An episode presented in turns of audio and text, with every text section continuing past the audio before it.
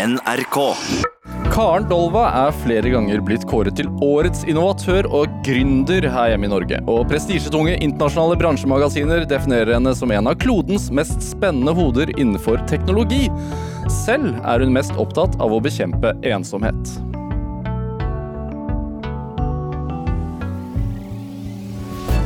Dette er Drivkraft med Vegard Larsen i NRK P2. Karen Dolva, hjertelig velkommen til Drivkraft. Tusen takk. Veldig hyggelig å være her. Hvordan har du det? Bra. Nå har jeg fått kaffe og Nei, nå er det bra. Ja, Kaffe og twist. Kaffe og twist. NRK-frokosten. Eh, du, jeg, går Jeg våger meg rett på sak her, jeg. Eh, litt sånn tung start på samtalen, eh, kanskje, men, men jeg, jeg, jeg tar sats. Altså fordi du, du har sagt om deg selv at uh, hvis jeg hadde dødd som 22-åring, så ville det tatt uker før noen hadde oppdaget det. Hvordan hadde du det for sju år siden? Vel, jeg hadde det jo ikke kjempebra, eh, men den setningen er jo satt eh, Det er åpningen på en TEDX jeg har holdt. Ja. eh, Og de, de er veldig tydelige på at de vil at du skal åpne dramatisk. Og det er det jeg prøver på her i dag, da. Ja, jeg hører det. Jeg, nei, jeg hadde en ganske god periode av livet hvor jeg gjemte meg fra folk, eh, og jeg syntes det var veldig Det var vanskelig. Eh, Jeg gikk på universitetet, bodde i Oslo trodde at eh, livet skulle være kjempegøy. Og jeg tror jeg klarte å putte on a smile når jeg gikk ut døra og leve og late som at alt var bra.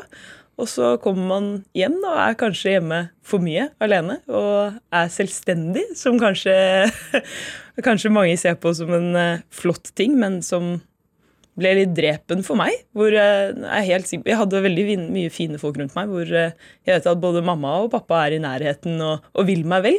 Men samtidig, hvis jeg ikke hadde tatt telefonen, så tror jeg det hadde tatt en uke eller to før de begynte å bekymre seg. For det var så lang tid det kunne ta før jeg svarte. Helt uavhengig om ting Sånn er det jo når man er på det Sånn stadiet i livet. Man Man er ikke 22. Ja. Folk skal la deg være i fred. Ja. Eh, og det, det var trist, det å vite at jeg blir latt være i fred. Men uh, isolerte du deg fra omverdenen, vil du kalle det det, eller? På mange måter, ja. Jeg var ute døra i hvert fall hver uke. eh, Men eh, da gjerne til noen forelesninger, og så hjem igjen. Eh, Og i helgene ikke dra ut på en lørdag. Du vil heller være der og, i leiligheten din og ikke se noen. Hvorfor det? For det var vanskelig å gå ut, eh, og det kjenner jeg på fortsatt. Jeg, har jeg først dratt hjem etter jobb, så syns jeg ikke det er lett å dra ut igjen. Og, og mange vil nok fort hoppe til en sånn latskapstanke med det, men det er ikke der slaget står i det hele tatt. Jeg kan godt rydde i boden, på en måte. Men eh, det å gå ut og møte folk er ikke bare lett. Det, det ligger noen barrierer der. Jeg er glad du har kommet deg hit i dag, da. Men, men, men, men, kom dette her eh, Altså, dette er jo syv år siden, øh, 29 år i dag. Men, men, men kom det gradvis, eller øh, var det noe som bare skjedde sånn plutselig? Ja, det kom eh, snikende på, og jeg skjønte ikke helt hva som skjedde. Eh, og, og det spennende nå, da, i No Isolation så jobber vi jo veldig mye med å lese forskning og tolke forskning eh, og presentere det. Ja, firmaet ditt No Ja, Isolation. eh, Ja. og presentere den forskningen på en spiselig måte for, for verden. da. Vi vil veldig gjerne snakke om ensomhet eh, på en måte folk kan forstå. Og den depresjon og ensomhet det er litt høna og egget. Veldig vanskelig å si hva som er først. Eh, er det sånn at jeg var depressiv og trakk meg unna og ble ensom, eller sånn at jeg var litt ensom og ble deprimert av det og trakk meg enda mer unna og ble enda mer ensom. Eh, og den er, den er veldig umulig å sette fingeren på. Eh, men fortsatt så viktig å forstå da, dynamikken i. At du kan ikke du kan ikke behandle den ene uten å tenke på den andre også. Nei, for Du har også sagt at du i en periode liksom før dette her, noen år før dette her, hadde veldig sånn søvnproblemer. Jeg har aldri likt å sove. og Jeg har aldri vært god på å sove, så det har vært vanskelig. Eh, Og jeg vet ikke. Jeg tror det, det er bare det hodet mitt det er min største fiende, da. Som for veldig mange andre. Så det hvis- må jeg jobbe med. Men hvis du ser tilbake på deg selv, altså hvorfor tror du at øh, du følte på den ensomheten og tenkte at det var tryggere å bare være hjemme aleine, liksom? Jeg tror det er en veldig naturlig reaksjon å gjemme seg. Eh, og at det siste du vil, er å møte folk når du er litt ensom. For det er, eh, det er skummelt, og det er, det er stor fallhøyde, og det er ikke sikkert man ønsker seg selv så vel. Eh, og det å, det å skulle gjøre seg selv glad, selv om du kanskje vet hva, hva som skal til, er ikke, det er ikke åpenbart at, at det er neste steg. da. Eh, så nei, jeg vet ikke. Jeg tror, eh, jeg tror for å være helt ærlig ikke at jeg skjønte ordentlig hvor ensom jeg var, før jeg begynte å komme ut av det og se at det livet jeg har levd det siste året nå, det går jo ikke an. Sånn kan man ikke ha det. Eh, men det er ikke så lett å se når man står midt oppi det. Nei, For du tenkte ikke selv at du var ensom, du tenkte bare at det var deiligst eller tryggest å være hjemme? Ja, eller at ting var trist. da. Ting var trist og tungt, og det gikk ikke så bra. Det var, eh, men det var ikke den derre 'nå er jeg ensom' som, som sto klarest for meg. Men når jeg ser tilbake og ser hvor, hvor lite jeg slapp folk inn, og hvor lite jeg hadde med mennesker å gjøre, så har jeg jo helt klart vært ganske brutalt ensom i, i hvert fall et halvår. da, Hvor ikke ikke har klart å koble med andre. Ikke digitalt engang? Nei, altså, digitalt er, det er en vrien verden. For eh, jeg pratet jo med folk. Eh, Jeg pratet med venner som bodde andre steder, og de der kjappe meldingene sånn og sånn. Men, eh, men det er ikke det samme som å føle at noen, noen vil komme og se at jeg har det vondt nå. Det er ikke det samme. Så jeg er eh, Ja. Det er nivåer av eh, kobling mot, eh, mot folk her. Og, så, dere skriver jo på hjemmesiden eh, til firmaet ditt No Isolation at, at her i Norge så er det eh, 680 000 mennesker som er plaga av ensomhet. Eh, og så skriver dere også du kan ikke se på noens øyne om de er ensomme. Det rammer uavhengig av kjønn, alder og landegrenser. Eh, og, og dette her, det er folk som føler, altså, som føler at de ikke har noen å prate med eh, hver dag, nesten. Ikke nødvendigvis. Uh, Så ensomhet kan ramme veldig mange forskjellige steder i livet. Du kan uh, ha det fint på jobben og føle at du er en del av et fellesskap der, og allikevel sitte hver fredag og lørdag kveld og ikke ha noen å ringe til, og kjenne på at du savner du savner å gjøre et eller annet som du ikke har tilgang på, da, eh, eller ikke klarer å skaffe deg. Eh, Eller motsatt. Du kan ha fantastiske venner og føle at på jobben så blir du ikke sett, hørt, har ikke venner. Eh, Så, så det kan være forskjellige steder. Da. Eh, De, som, eh, de 600 pluss 1000 er eh, folk som selv sier at de er ensomme. Altså som da krysser 'ja, jeg er ensom'. blir Ville du gjort det? Ikke nå, heldigvis. Nei, men den gang? Eh, den gang? Ja, det tror jeg. Det tror jeg hadde gjort. Men eh, det er jo for da blir du konfrontert med hvordan lever du. Eh, så stor forskjell på hvor eh, god man er på å reflektere for seg selv, og hvorvidt man klarer å svare, da. Ehm, men nei, jeg, eh, jeg tror det er veldig store mørketall, og jeg tror det er veldig mange som hadde hatt veldig godt av å være tettere opp mot andre. Da. Men har du noen teorier liksom sånn når du ser deg selv uh, utenfra eh, tilbake i tid, har du noen teorier om hvorfor det liksom rammet deg? Ja, eh, mange. Jeg tror eh, altså, Ensomhet styres det tror jeg er også viktig å forstå, ensomhet styres hovedsakelig av forventningene våre. Eh, så det er en subjektiv følelse, og det er kun dine egne mål du forsøker å oppnå. Ensomhet eh, er gapet mellom hva du tror at du trenger, og hva du faktisk får. Eh, så en, for å gjøre det veldig tydelig, en, en Spansk bestemor er typisk mer ensom enn en norsk bestemor, fordi en spansk bestemor har forventet å flytte inn med familien sin, ha mennesker rundt seg hele tiden, mens en norsk bestemor vil kanskje forvente å se familien sin et par ganger i uka, eh, som ja, drikker drikke kaffe i en time hver dag. Eh, så det er forventningen som styrer hvorvidt du opplever deg selv som ensom. Og jeg tror eh, veldig, veldig, veldig mange, eh, spesielt eh, slutten av tenårene, tidlig i 20-årene, har et skyhøyt forventningsnivå når det kommer til hvor sosial skal jeg være, og hvor gode venner skal jeg ha. Eh, så jeg eh, tror jeg eh, ble truffet av akkurat den samme. Veldig mange av vennene mine hadde flyttet ut av Oslo for å studere andre steder, så det var ikke det Oslo jeg kjente fra å vokse opp her. Og jeg trodde at universitetet kom til å bli en sånn sky av lykke og glede og nye venner og kjempegøy. Og på mange måter var det jo det, og det er det som er så utrolig trist at man ikke klarte å se det, fordi det møtte ikke det bildet jeg hadde. Og det tror jeg er det er en av de litt fæle tingene med sosiale medier. At vi, at vi har bygd opp forventningsnivået vårt. Vi får hele tiden se folk som gjør noe. Eh, og så Ja. ser det ut som du snur litt grann nå, hvor sosiale medier også kan hjelpe oss å se litt at sånn er det jo ikke. Folk gjør ikke det. Ja, det er derfor det har kommet en del rapporter de siste årene om at sosiale medier gjør, deg, gjør oss kanskje mer ensomme. Ja, og det er flere grunner til. Eh, jeg syns ikke sosiale medier bare er den store stygge ulven, eh, men det å kalle dem sosiale er jo helt feil. Eh, Det skulle jo hete noe internettnettverk, jeg vet ikke. Noe mye kjedeligere enn sosiale medier, iallfall.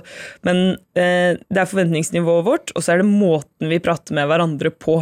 For det, det handler jo ikke om å prate med 70 mennesker i to minutter hver dag. Det handler om å prate med kanskje ett eller to mennesker eh, i gode og lange samtaler. Og det er jo ingenting med disse chatteprogrammene som har gjort oss eh, i- stand til å prate med hverandre lenger. da. Eh, og bare kjede oss sammen. For jeg tror det spørsmålet hvordan, hvordan har du det egentlig, eller har det skjedd noe, skjedd noe fælt, eh, det kommer liksom etter to-tre timer sammen. Eh, og kommer det som åpningen på en samtale, så vil svaret alltid være 'nei, det går bra'. Eh, mens tre timer inn i samtalen, får du det da, så er det plutselig noe litt annet. Så jeg, jeg åpnet denne samtalen med å spørre hvordan du har det, så jeg skal kanskje ta det mot slutten Ta også. det da. på slutten nå. Nei, eh, nå, ja. Men, men, men altså, vi har starta denne episoden av Drivkraft med å prate om ensomhet, og det, og det er jo en grunn til det. For det er jo eh, veldig sentralt i det teknologiselskapet eh, du driver holder på med. Eh, men, men jeg vil ikke avslutte det helt ennå, fordi ehm, er, det no, altså, er det noen fellesnevnere blant eh, folk som ser på seg selv som ensomme? Altså Er det kjønnsuavhengig, f.eks., eller? Ja, det er det. Vi finner i hvert fall ikke noe som sier at uh, jenter eller gutter er fryktelig mye mer us eh, ensomme enn andre. Uh, det, du, det man også finner, er sånne kjennetegn. Altså, man er typisk mer utsatt for ensomhet eh, rett etter eh, en stor endring i livet. Eh, så hvis du har flyttet til en ny by, hvis du har blitt skilt, hvis du har fått en tung diagnose, hvis du eh, har mistet partneren din eh, alle, alle ting som bryter opp livet veldig. Eh, derfor er jo typisk studiestart en tid vi snakker om ensomhet. En en stor endring. ikke sant? En Du flytter for deg selv kanskje for første gang. Stor endring med veldig høye forventninger. Alle høytider har vi også mye høyere forventninger til. Derfor snakker vi om ensomhet når jula kommer. Eh, og ja, nei eh, vi, ser, eh, vi ser ganske mange mønstre da, i hvor ensomhet oppstår. Eh, og så er jo en av de sterkeste liksom, tegnene på hvorvidt du ville kalt deg ensom eller ikke, er jo hvorvidt man har en kjæreste. Som jeg syns er ganske gøy, for jeg er jo eh, eh, sterk forkjemper for at folk skal kunne leve singel og være kjempelykkelig med det. Men eh, for gutter så virker det som at eh, kjæreste er eh, alfa og omega ja, på Ja. hvorvidt du lever i ensomhet. Ja, fordi ja, altså, kjæreste er den beste, beste medisinen. Fordi det er, vel, det er vel nesten sånn at det er en medisin også. Det er en medisin, det å være ensom er faktisk helseskadelig. Uten tvil helseskadelig, og det, det syns jeg var ganske spennende. Og det visste jeg ikke før, eh, før vi måtte starte No Isolation og begynte å jobbe aktivt med dette her. Da. Eh, For veldig mange av oss tenker på ensomhet som en sånn litt vond følelse, og det var trist, og ja ja, eh, det går sikkert bedre etter hvert. Men altså, de fysiske konsekvensene over tid er ganske store. Så lever du i ensomhet lenge, så lever du også en, Hjernen din er litt stressa. Vi er flokkdyr, og vi er avhengig av å vite at vi får hjelp hvis vi trenger det. Mm. Så det å kjenne på konstant at jeg er ikke sikker på om jeg hadde fått den hjelpen, det er veldig farlig. Hjertet vårt går bitte litt fortere, eh, og når hjertet vårt går bitte litt fortere, så er vi mer utsatt for hjerte- og karsykdommer, vi er mer utsatt for slag. eh, Vi dør rett og slett tidligere. Så det er det er ganske store fysiske konsekvenser av denne lille ene triste tingen. Ja. Eh, og flere forskere har sammenlignet det med å røyke. Altså At det faktisk er da like helseskadelig som å røyke nesten en hel pakke røyk om dagen. Om dagen. Om dagen. Eh, så det er eh, Så hvis man lever i et parforhold og føler seg Du kan føle deg ensom i parforhold òg, altså. Jo da, men hvis man ikke føler seg ensom og lever i parforhold, så kan man røyke en pakke sigaretter med god samvittighet. Det er akkurat sånn helse funker. Men, men, men eh, jeg leste også at uh, man har nesten dobbelt så stor sjanse for å bli dement hvis man er ensom. Yes, og Det er jo også denne hjernen vår igjen. Den trenger stimuli, og den trenger trygghet uh, for, å, for å klare seg. Uh, så demens er jo Det rammer de aller fleste av oss hvis vi kommer til en viss alder i en eller annen form. Det som skjer når du er ensom, er at det blir fremskyndet. Så det skjer med deg oftere før du dør, hvis du har levd i ensomhet. da. Og at det er, ja, hva var det, 20, 25 større sjanse for hjerte- og karsykdommer, f.eks. Jeg tror det er 29 til og med. det er 32 eh, høyere risiko for hjerneslag. Ja. Og det er, eh, det er sånne ting vi ikke vil ha. eh, Og hvor det å kjede seg på sofaen i noen timer med en du er glad i, eh, det, det klarer man å gjøre som eh, Det jo, det må, forebygging. som samfunn så må vi jo bruke mye penger på dette her, da, egentlig. Sånn, Vi ender jo opp med å gjøre det, men eh, det er jo veldig mye lettere å behandle enn å forebygge, for da må vi ta regningen. Eh, Og det en trist, eh, trist verden å leve i, at det er sånn det blir. Eh, Men eh, jeg syns vi har sett ganske fine ting siste årene, hvor det investeres i mental helse, og vi snakker om mental helse, og vi begynner å forstå konsekvensene av at folk blir så mye friskere når de er glad. Da. Eh, Hvorfor kan vi ikke putte masse penger i å gjøre folk glad, og slippe å betale for at de blir syke etterpå? Det, det gir veldig mening for meg. da. hvordan kom du deg ut av dette greiene, da? Det var, par, nei, det var et par ting som skjedde. Jeg, jeg begynte å bli litt mer varm i trøya på universitetet, så jeg fikk jo litt venner der eh, underveis, og etter hvert blir de litt bedre venner. Eh, og spesielt én, eh, Martine, som hun møtte opp i leiligheten min og dro meg ut. Altså Hun bare 'Du skal være med'. Det, det er ikke snakk om, da. Istedenfor å bare ringe og si 'Hvorfor er du ikke her?' så, så sto hun der. Og så etter hvert inni der fikk jeg meg også kjæreste. Og ja, der har du den der. Gode venner. Ja, så, så det, det å ha noen som faktisk ser deg, det er veldig, veldig viktig. Eh, hvorfor er det viktig for deg å prate om dette her? For det er så få andre som gjør. Og jeg synes vi, vi får liksom en nyhetsartikkel i ny og ne hvor, hvor noen sier at 'jeg er ensom'. Og så blir det veldig jubel, og alle støtter opp under det. Eh, og så er det borte igjen. Og så snakker vi ikke noe mer om det. Og så er det Sånn som i Storbritannia ser vi jo at staten trekker det frem som en av de tingene de skal jobbe med. Altså virkelig jobbe med. Og det er så kult. Og jeg tenker, Hvis vi prater masse høyt om dette her overalt, så kommer flere stater til å gjøre det. Og det er bra.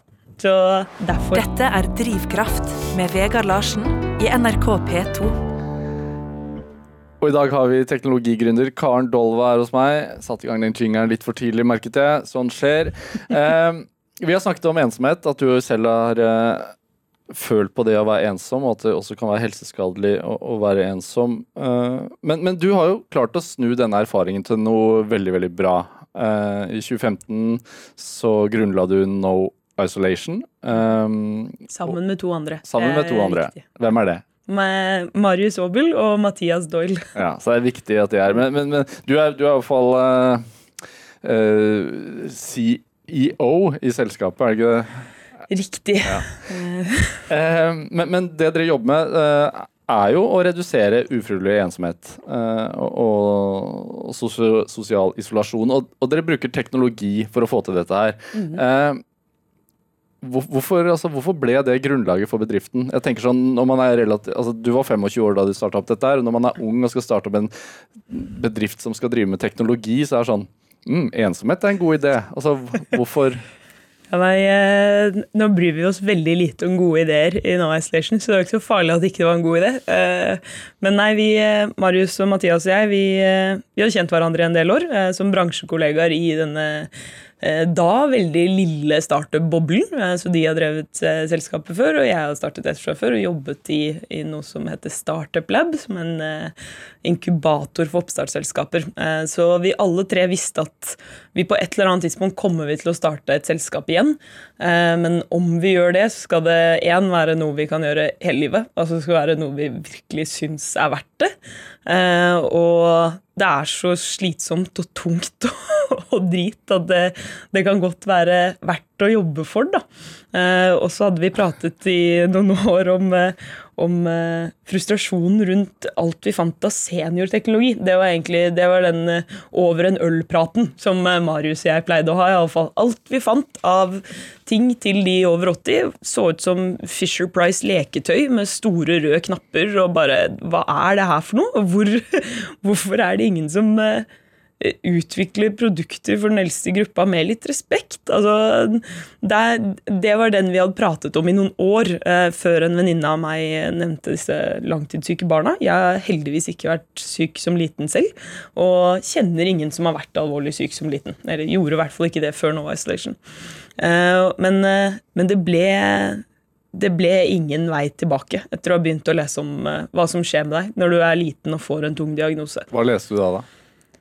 Vi gravde frem det vi klarte av forskning, og det er altfor lite. Eh, Det er jo første. Vi, vi holder veldig lite track på eh, Lite oversikt over eh, langtidssyke barn og hva som skjer med dem. Men det vi fant, var at altså, sannsynligheten for at de faller ut av skolen og da faller ut av livet sitt, den øker ganske dramatisk. Eh, og hvor den knekken kommer på hvor lenge du må være borte, det finner du ikke for barn, men du finner det for voksne. Snakk med Nav, så vet, du, vet de når, når begynner risikoen for at du faller av livet. Da. Faktisk faller av livet og øker. Og det er rundt eh, to måneder, så du, har du vært borte borte i to måneder, så begynner det å bli vanskelig å måtte To måneder, To måneder, ja. ikke lenger. Ikke lenger. Da begynner det å bli vanskelig å bare møte opp igjen. Og dette er voksne i arbeidslivet, liksom. Dette er voksne i arbeidslivet, og så kan man begynne å forestille seg barn. Eh, Det er ikke nødvendigvis noe lettere for dem. Eh, Og vi eh, jeg postet noen eh, spørreundersøkelser, fordi det er noe kan du lese fra forskning, og noe må du bare prate med folk om. Eh, Så jeg postet et par spørreundersøkelser før vi hadde stiftet selskapet, i alle Facebook-gruppene jeg kunne finne for foreldre med langtidssyke barn. Eh, Sånn, leser jeg forskningen riktig her nå? Hva, skjer hvis du er åtte år og får en kreftdiagnose?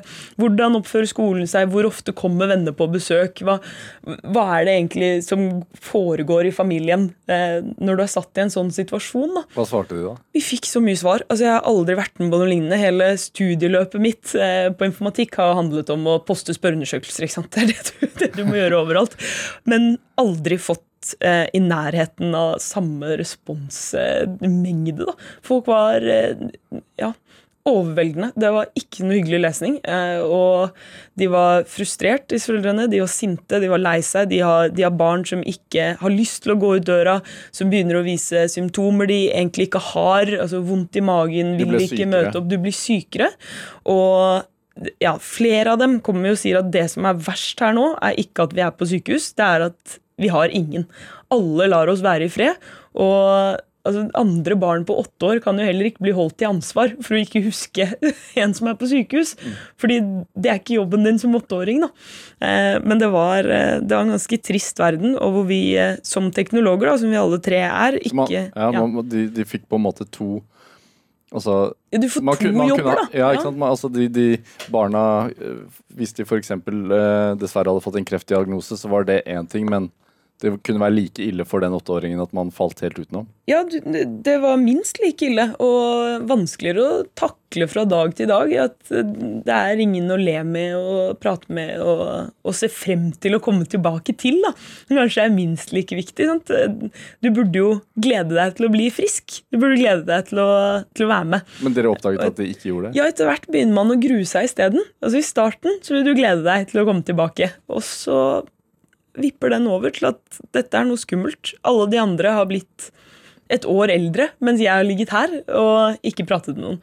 Eh, og jeg tror den eh, ja, Vi startet jo da selskapet No Isolation etter å ha skjønt, skjønt at det er ingenting av den teknologien som er der ute i dag, som fikser dette for dem. Og det kunne vi ikke helt forstå. Altså, hvordan kan, De har PC-er, og de har eh, nettbrett, og de har mobiltelefoner, de har alt. Hvordan kan, de, hvordan kan være en hindring at du ligger i en seng? da? Var, altså fordi man har jo, man har jo diverse eh, sånn Skype-funksjoner. Vi har masse, vi har FaceChat, meldinger. Altså, Vi har forumer, og vi har ja, Men- video, eh, vi har alt. Men hvem er det du skal ringe hvis ikke du har pratet med på, noen på to måneder? Eh, Hvem skal du sende en snap til hvis det eneste som har skjedd med deg de siste tre månedene, er behandlinger? Altså, du du deltar ikke. Nei, du Liksom. deltar ikke, og det, det var på en måte den eh, ja, store aha-opplevelsen for meg var at ingen, ingen av de verktøyene vi har, hjelper oss egentlig å være med mer. De, de hjelper oss å henge med hvis vi først er med, men ikke å komme inn og bli med. Eh, og det, det er kjempetrist. Eh, Og, og, og løsningen dere kom opp med, eh, var en robot. Eh, etter veldig mange andre ideer. Vi var innom det ene og det andre. eh, AAV1 heter roboten. Yes, Verdens kjedeligste navn, med vilje. Hvorfor det? Fordi vi, eh, vi kalte den TOI, altså Toy, i starten. Eh, som en eh, egentlig pønn for Thing of the Internet. Og tenkte at ja, denne er lagd fordi internett fins. Det er ikke en, eh, det er ikke en IOT-løsning. Men uh, vi, eh, vi så veldig fort at Klassisk sånn tech-humor, det der. ja, det- nå, nå ble jeg litt grann tekkete, skjønte jeg, så prøver jeg å rygge ut igjen. Men uh, nei, vi så veldig fort at Toy, det, det brukte de barna som hadde prototyper, de begynte å kalle roboten sin for Toy. For det er søtt, og det er koselig, og du, du kan si det. Og, og det ble helt feil, for den roboten her er jo den er en representasjon av et barn som ikke kan være der. Du fjernstyrer den fra senga. Så blir du alvorlig syk og får en av en robot så er roboten ute i verden mens du ligger i sykesenga. Eh, og gjennom den så kan du se alt og prate med alle, og eh, du dekorerer den for å representere deg. Altså, den ser ut som Altså, den har et hode Yes. eh, med øyne og en liten munn. Nei, ikke en munn. Munnen blir veldig fort skummelt Ja. på robot. Men det Litt er sånn- øyne, i hvert fall. Og så er det en sånn skulderparti. Ja, det ser nesten ut som en liten byste. Ja. Ja, eh, med motorer og alt mulig rart. Og, og, og det er fullstendig toveiskommunikasjon. Riktig. Og man kan styre hodet på den og sånn selv. Ja, du styrer egentlig hele, hele kroppen, så du kan snurre 360 grader rundt, og så kan du tilte hodet opp og ned og kikke deg over skulderen, og du eh, har barnet hjemme eller på sykehuset har full kontroll over sin robot. Når er det den streamer, og når er det den eh, kikker rundt, når er det den blunker. Vi, er- Og den blunker. vi blunker, og vi har eh, fem følelser du kan liksom, vise frem i øynene. Eh, så du har nøytrale øyne, som bare er runde, runde store øyne. Og så har du eh, nysgjerrige øyne, som har sånn lite øyebryn som eh, ser skeptisk ut. Og så har du glade øyne, som er sånn buede opp. Og så har du triste øyne, som er buet ned. Så, Ikke du- sint. Ikke sint. Du, hvis du er sint, så får du logge av. Men, men altså, så den roboten kan for eksempel Altså, den er som en, da, som en avatar i den virkelige verden, da. Yes. Eh, akkurat som karakteren i et spill. Eh, Ja. eh, eller fra filmen. Avatar. Eller fra filmen. Eh, og den kan da plasseres ut i klasserom, f.eks. Riktig. Uh, og følge med på undervisningen. Og man kan også snu seg rundt og se på medelever. Kan den være rampete? Kan, ja, kan du, den avbryte læreren, liksom? Du kan være rampete med et par ting. Du har, litt, eh, du har valg om du vil ha utestemme, innestemme eller hviskestemme. Eh, setter du på utestemmen inne, så snakker du høyt, høyt. Eh, vi, har, vi har hørt om et par barn som setter på og spiller, spiller musikk via roboten I, i klasserommet? i klasserommet. Du er mer populær hvis du gjør det i friminuttene. Kan ta rampen ut av klasserommet, men ikke Eller, ja. Ikke ut av barnet. Ut av barnet, nei, ja. Men nei, den, eh, den er jo deg, da, så den blir brukt. Den blir brukt veldig forskjellig av forskjellige barn, for barn er forskjellige. Eh, Så er du en som en litt stille type som eh, er bedre på å observere og har lyst til å skjønne hvordan andre mennesker tenker og gjør, så kanskje du sitter stille og ikke prater så mye gjennom roboten. Men hvis du er kjempeekstrovert og har lyst til å ha noe å si hele tiden, så prater du jo masse gjennom roboten. Så den er jo bare deg. Ja, jeg, altså for den, den er jo i bruk i 13 land. Er det Det er vel 14 til og med. 14 nå? Ja. Eh, hvor mange eh, modeller i Norge? Uh, et sted mellom 350 og 400 er i Norge. Norge er største, største landet vårt, tett etterfulgt av England og Sverige. Ja, og I England er morsomt at den nevner. Jeg så at, eh, at den bl.a. har eh, blitt brukt på Goodison Park, altså hjemmebanearena til fotballklubben Everton. At den var en maskot under kampen mellom Everton og Newcastle. Mhm. Eh, Kapteinens maskot, til og med. kapteinens maskot, hva, hva, hvordan kom dette i stand? Mm, vi gjør et par sånne Jeg vil ikke kalle det PR-stunt, for det var bare resultatet av denne ene gangen, men vi gjør et par eh, events, er det en stor jeg har? Unnskyld manglende norsk. Eh, hvor vi spør eh, veldedigheter om de har barn som ikke får deltatt på noe, og om vi kunne hjulpet dem med å delta. Eh, Så i Everton-tilfellet så har vi da snakket med en eh, veldedighet som heter Wellchild i eh, Storbritannia, og spurt om de har noen barn eller tenåringer som, som ikke får kommet ut døra, eller som har drømmer de har lyst til å få gjort, men som fysisk er hindret fra. Eh, og de kom tilbake med da 14 år gamle Jack, eh, som koblet til oksygenmaskiner, har flere diagnoser, sitter i rullestol, er i det hele tatt allmenntilstand er ikke kjempegod, eh, og sier at hans store drøm er jo å være på Everton-kampene igjen. Eh, og det er kjempefint, fordi vi kan love å få han inn på en Everton-kamp. For oss er det bare da å kjøpe en billett og la en av foreldrene hans dra med robot, og la han se den fra tribunen. Og det ville fungert fint. Det fungerer. Eh, så fremt eh, vi klarer å få liksom, opp ordentlig dekning og sånn. Eh, når du har stadioner med flere 10 000 mennesker, så må du rigge bitte litt. Men det hadde vi fått til, og så kan du på en måte love det og vet at du ikke ender opp med å skuffe et barn. Men så tok vi kontakt med Everton og sa at ok, vi har en 14-åring som kommer til å være på kamp via robot. Har dere lyst til å på en måte være med og gjøre Kan man slippe han inn i garderoben? Kan man på en måte gjøre noe kult for han? da? Eh, og de strakk Everton strakk det jo ganske langt. Lot han være kapteinens maskot ut på banen. Nei, det var kjempekult. Ja, For folk som ikke veit det, så er det jo ofte sånn at før, før kampene i Premier League i England, så har alle spillerne med seg et barn ut på matta, som er da en maskot. Riktig. Eh, Og barn i rullestol får jo da aldri anledning til å være denne maskoten. Eh, men nå har vi jo vi har gjort lignende for, eh, for, for flere barn i flere land. Eh, fordi andre fotballklubber har sett dette. Eh, og da tenkte jeg at det skal vi gjøre for noen også. hvordan, var, hvordan var det for Jack?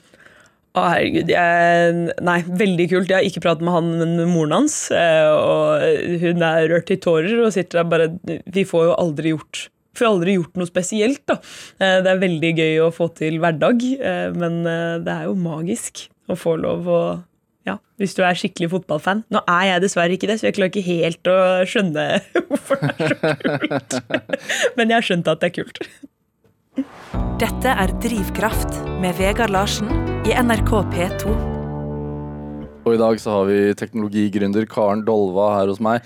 Eh, vi snakker om AV1, denne roboten No Isolation har laget. Eh, du, du, du begynte Du sa at grunnen til at dere tenkte at det var et behov for dette, var fordi at du sendte ut noen spørreundersøkelser på fora med, eh, til foreldre eh, som hadde hjemmeværende syke, veldig syke barn. Eh, og så har dere plassert ut 350-400 roboter i Norge til disse barna. Ja, heldigvis ikke bare plassert ut, men fått solgt. Fått solgt. Det er jo eh, Men, men hvilke tilbakemeldinger får dere av foreldrene eller barna? Det er eh, ganske overveldende. Eh, av og til overraskende historier om folk som eh, måtte for første gang på et år har fått lov til å være med på matbutikken, og det var fantastisk, for da slapp du å skrive liste. Du kunne heller eh, liksom si 'Å, det fikk jeg lyst på nå'. Eh, og det betyr jo selvfølgelig noe når du ligger låst til en seng, eh, men det er ting du ikke tenker på når du, når du lager dette her. Eh, nei, vi får veldig mye veldig fine mail. Veldig fine Vi fikk et dikt nå for et par eh, uker siden fra en eh, elleveåring som bare Ja, du, du vet jo ikke helt hva du skal si, eh, og så er det Husker du diktet, eller? og det er langt. Oh, ja, okay. Det er kjempelangt, så jeg tror ikke jeg skal gi det et forsøk engang. Men det handler om at, at, at nå er det et liv, da. Altså, nå, er det ikke, nå er det ikke bare en seng mer. Nå er det hele livet, og på lik linje med alle andre. Og vi ser jo barn som sitter på i syv og åtte timer gjennom robot, og, og er på hver dag. Og det er ganske, det er ganske magisk. Og så var vi i, i helt startfasen, altså hadde vi, vi hadde 20 barn eh, med i en, en svær test som gikk over syv måneder, for å se om dette konseptet kommer det til å virke for barna. Eh, for det er eh, livsviktig at ikke vi bare sitter og tror at nå har vi funnet på noe smart. vi skulle se hvordan, hvordan kommer det til å funke ute i virkeligheten og i klasserom. Og i den testen så var det ett av barna som veldig plutselig sluttet å bruke roboten sin. Så i denne testen fulgte vi jo veldig nøye med på alle.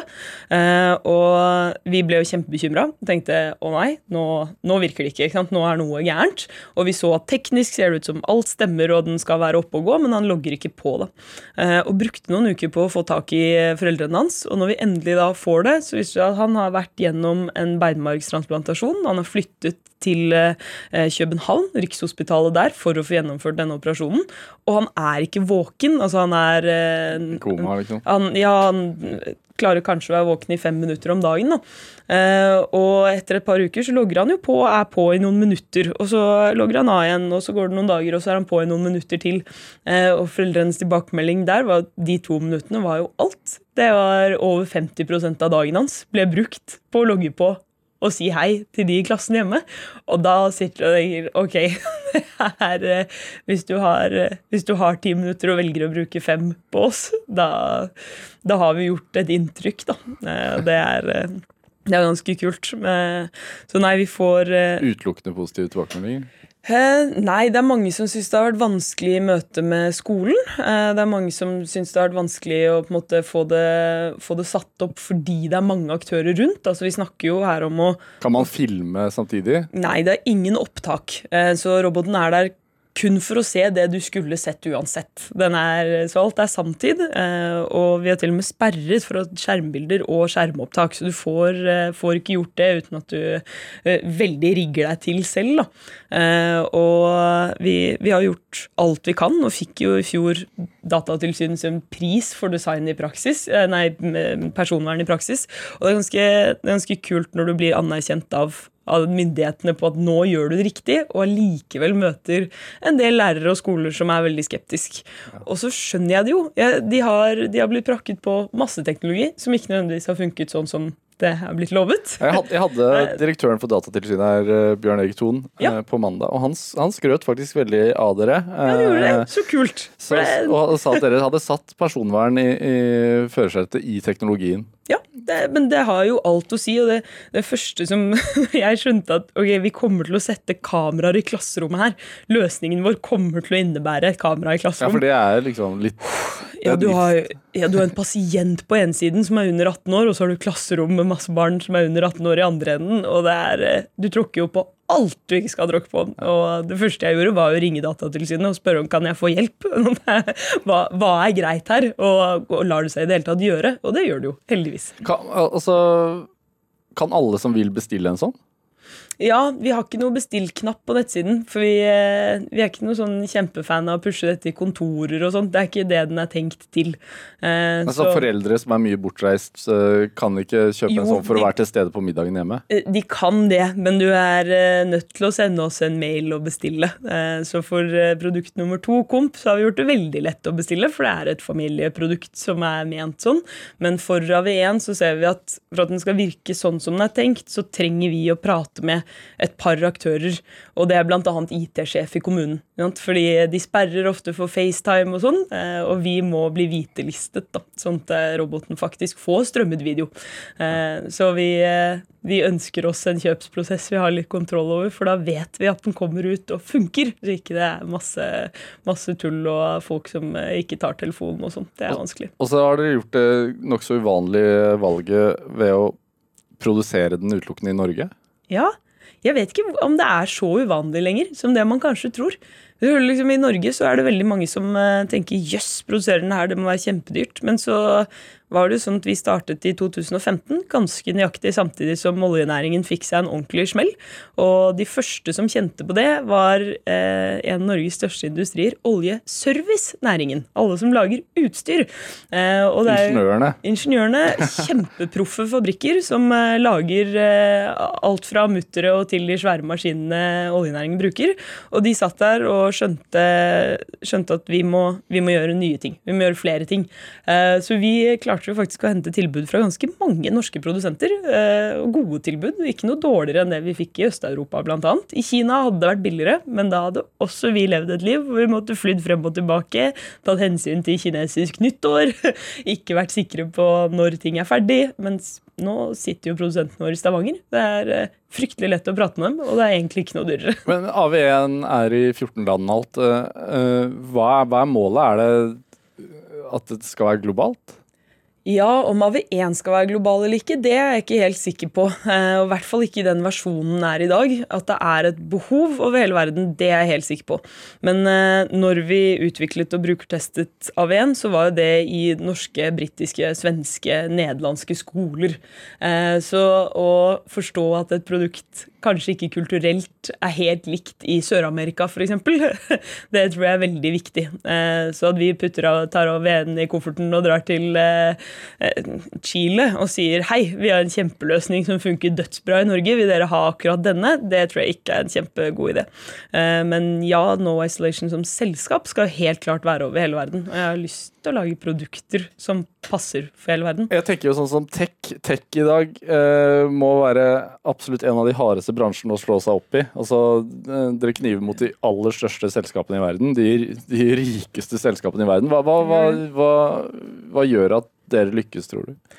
Jeg tror at eh, det er én eh, fellesnevner for alle de største selskapene i verden, og det er at de går etter massemarkedet. Eh, og når du, når du ser på verdens befolkning, så er det heldigvis sånn at de aller fleste av oss er det du kan putte i boksen normal. Ikke syk, ha jobb, gå på skole. Og vi i No Isolation er jo mest opptatt av alle som faller utenfor denne boksen normal. Og av én, f.eks., det er snakk om 6000 barn i Norge som er alvorlig syke. Eh, så det er ikke mange nok til at Apple f.eks. ville brydd seg. Det er ikke et stort nok marked til at det er interessant for dem. Eh, når vi kommer til eh, produkt nummer to som Komp da, for seniorene, så er det et interessant marked, men en mye, mye vanskeligere gruppe. Altså, nå har jeg forsøkt å designe et par løsninger. og å lage noe til noen som sier 'jeg vil ikke ha teknologi', 'jeg trenger ikke noen ting', 'jeg har det bra', det, det er ikke bare lett. Så, ja. Men sånn som AVN, når du sier at det er 6000 barn som kan ha behov for, for dette her, mm. har alle råd til det? Skolene har helt klart råd til det, og skolene og kommunen er jo de vi selger til. Eh, og så ville jeg snudd på hodet og sagt har de råd til å la være. Eh, for det her er de barna som faller ut. Eh, det er eh, kjempedyrt for alle. Skoler mister finansiering hvis ikke barna går gjennom løpet sitt. Eh, staten eh, sitter med en som heller havner på trygd enn i jobb.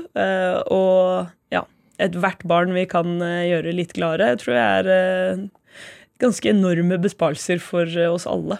Denne eh, Komp da, som dere har utvikla til eldre, mm. eh, det er sånn jeg ser det en stor touchscreen eller en stor skjerm? Ikke touchskjerm, touch, ja, men en, en, stor skjerm da, med én ja. knapp på. Yes. Eh, som eh, man kan da kommunisere med f.eks. besteforeldre via Snapchat og altså alle tjenester, du har, eller? Du har faktisk en egen Komp-app. Eh, så sånn Komp funker er, Morfaren min har hatt en helt til han gikk bort i januar. Eh, men han eh, hadde denne på stuebordet sitt hjemme. Og mamma og jeg og stefar og alle sammen vi har da denne Komp-appen på telefonen. Og vi sender han bilder. Sendte han bilder. Bilder med tekst på, eller bare tekstmeldinger, eller bare bildene. Så det funker veldig likt som en litt treg Snapchat, hvor morfar da fikk disse bildene inn på kompen sin. Eh, og de gikk i loop for han. Eh, Men han kunne ikke kommunisere tilbake på den? Han kan kommunisere tilbake når han blir videoringt. videoringt ja. Ja. Eh, så er maskinen på. Han var veldig søt og skrudde alltid på, på komp sånn i to-tiden på formiddagen, så jeg vet ikke hva han har drevet med på morgenen. Sikkert tuslet rundt i slåbroken og hatt det bra. Men rundt klokka to så skrudde han på komp, og da var han åpen for videosamtale. Og det kan jeg se i appen min. For det første kan jeg se at ingenting er galt. Altså Han har nett og alt funker som det skal. Så hvis noe skjærer seg, så er det ikke han som får en feilmelding og må plukke opp eh, denne hjemmetelefonen sin og ringe meg og si at nå er noe gærent her. Eh, han får aldri noe feilmelding på komp. Eh, men jeg kunne se hvis noe skulle ha skåret seg, da. Så er det jeg som får beskjed. Da må du dra dit og fikse det? Da må du dra og fikse, eller bare chatte med support i appen, og så fikser de det. Men hadde du uh, morfaren din i tankene da du utvikla her, var med å utvikle dette her? Helt klart, og jeg tror det var, det var den store forskjellen for, for oss som jobber i selskapet med Komp av én, var at veldig mange av oss havnet på en eller annen måte i Komp brukergruppen. Uh, og det er nok like mye familien som føler frustrasjon over at den eldste ikke klarer å motta MMS-er, uh, ikke er veldig glad for å åpne mail. Eh, ja, vi har veldig mange brukere nå som, av Komp da, som som har vært Snapchat-brukere, men hvor de da sletter appen, og hver gang du kommer opp, så er det et eller annet som har gått i stykker. Det er vanskelig. Eh, og det var det vi hadde lyst til å fikse. Det skulle være helt, helt smertefritt å være 85 år og litt uinteressert i teknologi eller å lære seg ting. Og så kunne du fortsatt ha gleden av å være på nett. da. For eldre er også blant de mest ensomme av oss i, i samfunnet. Ja, de men, er det.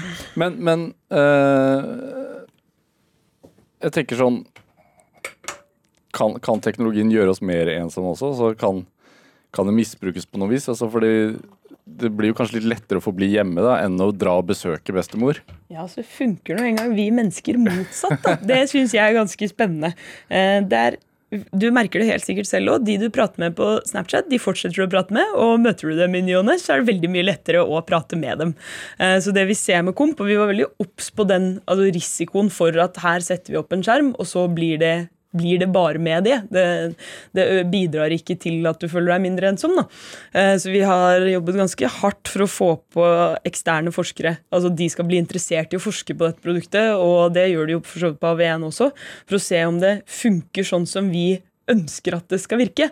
Eh, og det er så uendelig kult når man får bevist at det gjør det. Du får mer besøk, og jeg tror de aller fleste av oss klarer å se for seg en verden hvor det er lettere å dra innom hvis du vet hva den du møter, vet. Du har sett alle bilder som fetter og kusiner har lastet opp, og du har, du har, delt ferien din, så når du kommer opp, så slipper du å dra frem telefonen og vise liksom de ti beste bildene fra den ferien. Bestemoren din har sett de allerede. Hun var jo med. Ja, og jo oftere vi prater sammen, jo lettere er det å møtes. Det er eh, ja. Hvorfor tror du det er sånn at altså, Jeg sa tidligere altså, teknologiselskapene det er de selskapene med mest penger i verden. Hvorfor tror du det er så lite teknologi som blir utviklet mot uh, den eldre garden? For det er jo stort sett alt er jo utviklet mot folk ja. Alt er lagd for å gjøre yngre, effektiv, yngre mennesker, effektive ja. mennesker mer effektive, og det er en av de tristeste tingene i hele verden. Uh, og en av de vi har lyst til å kjempe litt mot. Da. Nå har vi sett at uh, teknologi kan man bli avhengig av, og det tenker jeg bare er et bevis på at dette kan vi bli gladere av òg. Men har du noen tanker om hvorfor det er sånn, tror du? Ja, det er veldig mye ingeniører og designere som er eh, pluss-minus 30 år og lager ting til seg selv. Da. Vi kjenner oss selv best, og hvis alle som sitter og vet hvordan man lager ting, eh, er mest opptatt av å gjøre sitt eget liv eh, litt bedre og litt kjappere og litt enklere, så, så ender vi opp med én type produkt.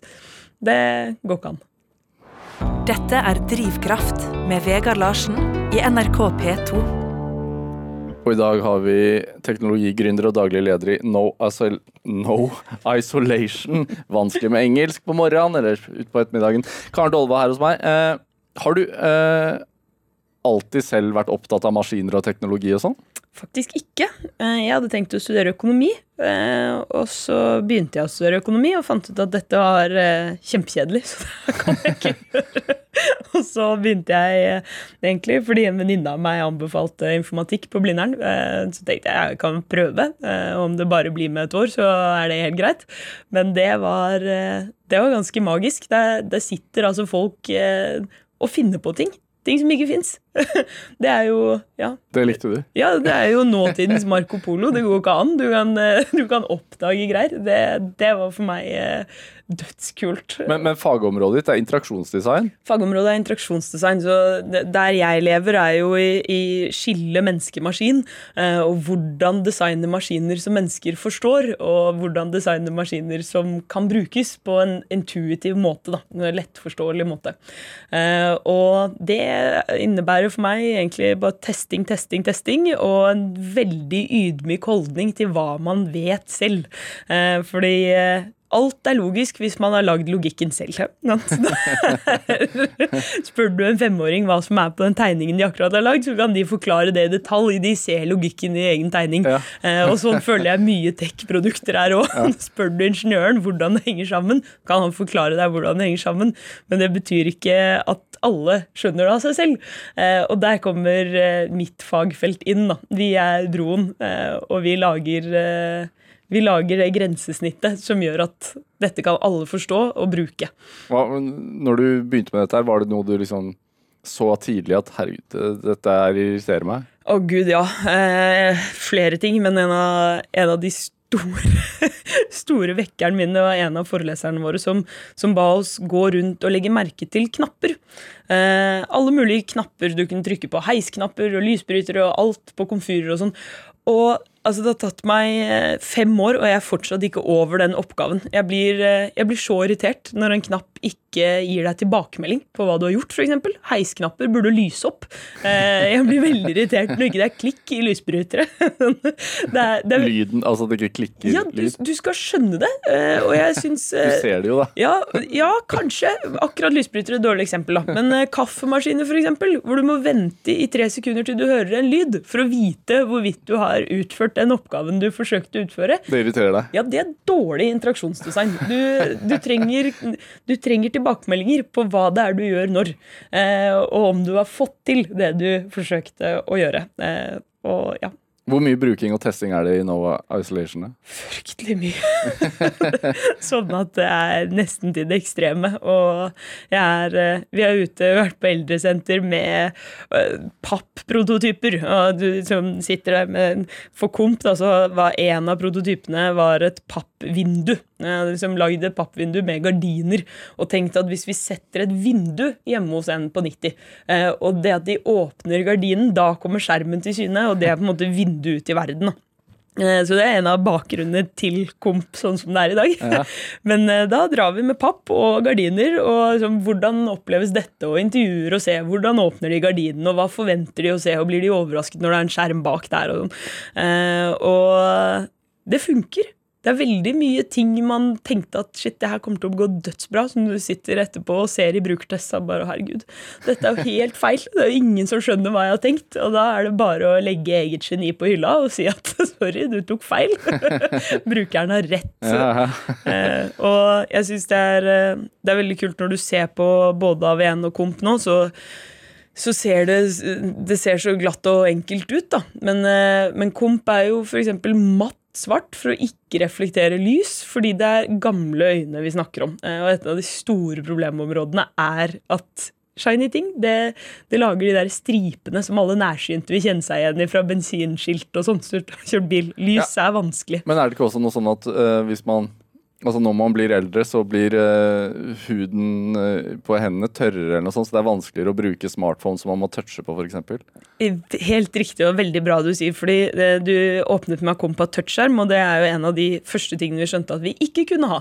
Uh, For en touchskjerm vil jo reagere på fingrene dine, men ikke hvis du har veldig dårlig blodomløp i fingrene, og de blir liksom læraktig. Eh, Fingertuppene, du har helt sikkert kjent det på hendene til farmoren din. ikke sant? Det, det er liksom litt læraktige, koselige hender. Og eh, da virker ikke touchskjermen, altså den reagerer ikke. Eh, og det er så trist å gi en, en bestemor en iPad og si dette klarer en toåring å bruke, og hun har hodet sitt med seg, men så prøver hun å bruke dette her, og så reagerer ikke skjermen i det hele tatt. Og da, da nytter det jo ikke. Da er jo hardware lagd helt feil. Eh, og der, eh, ja, vi tok eh, og skrapet hele tanken om å ha noe touchskjerm, for det, det ekskluderer over halve den tiltenkte brukergruppa vår. da. Man kan jo nesten bli rasende å tenke på det, at nesten alt man får tak i nå er av mobiler og Og man kan bli rasende, er, er, er touchskjerm. Den her interessen din for brukergrensesnitt og sånn, kan det spores tilbake til det faktum at du liksom er veldig opptatt av bil? Oi, kanskje? Jeg er ikke sikker. Jeg tror eh, Jeg liker jo veldig godt ting og ting som virker, og som man kan skjønne hvorfor virker. Eh, Så det, det tror jeg kjenner igjen bil om, men eh, nei, for Bygge meg opp og bygge ned, liksom? Bygge opp og bygge ned, men jeg tror for meg har bil vært Det er jo pappas store interesse, så jeg har vokst opp med det.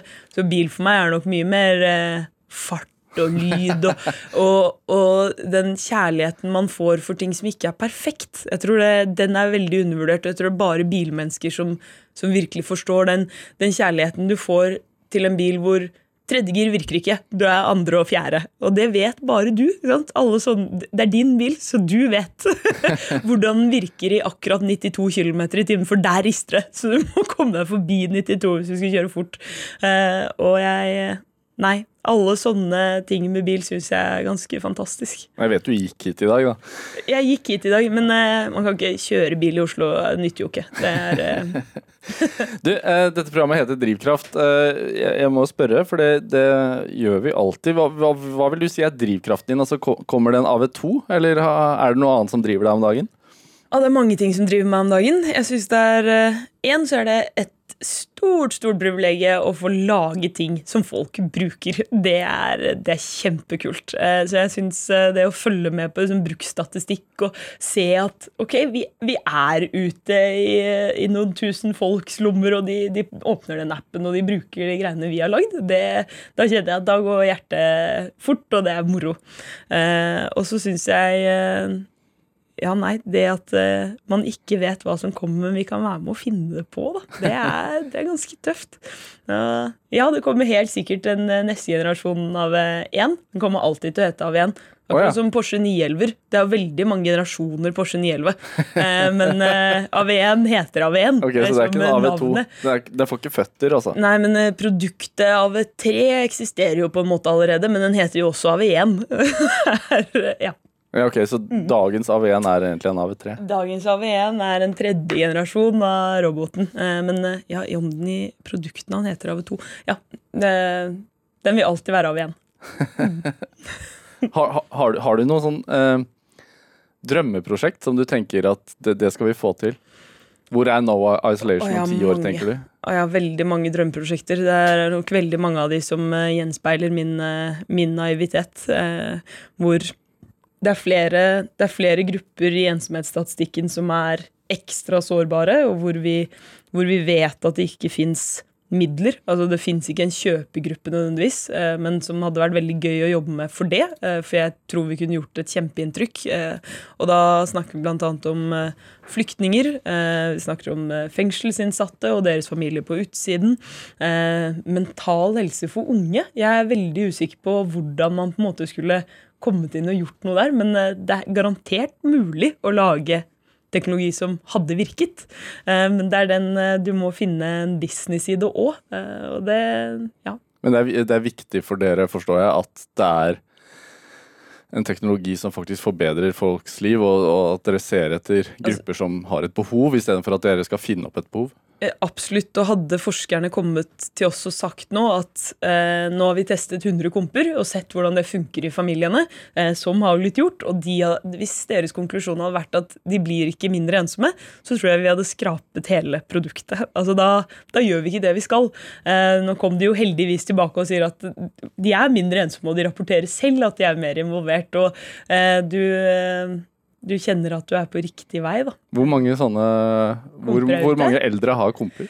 Nesten 1000 eh, eldre, nesten utelukkende i Norge. Men så har vi jo app-brukere over hele verden. da. For det er jo eh, barnebarn og eh, til moldebarn og sånn spredd utover overalt. Så appen vår blir lastet ned på kontinentet Afrika og i Sør-Amerika. Det er kjempetøft. Du sitter der og bare Dette her er gøy. Men ja.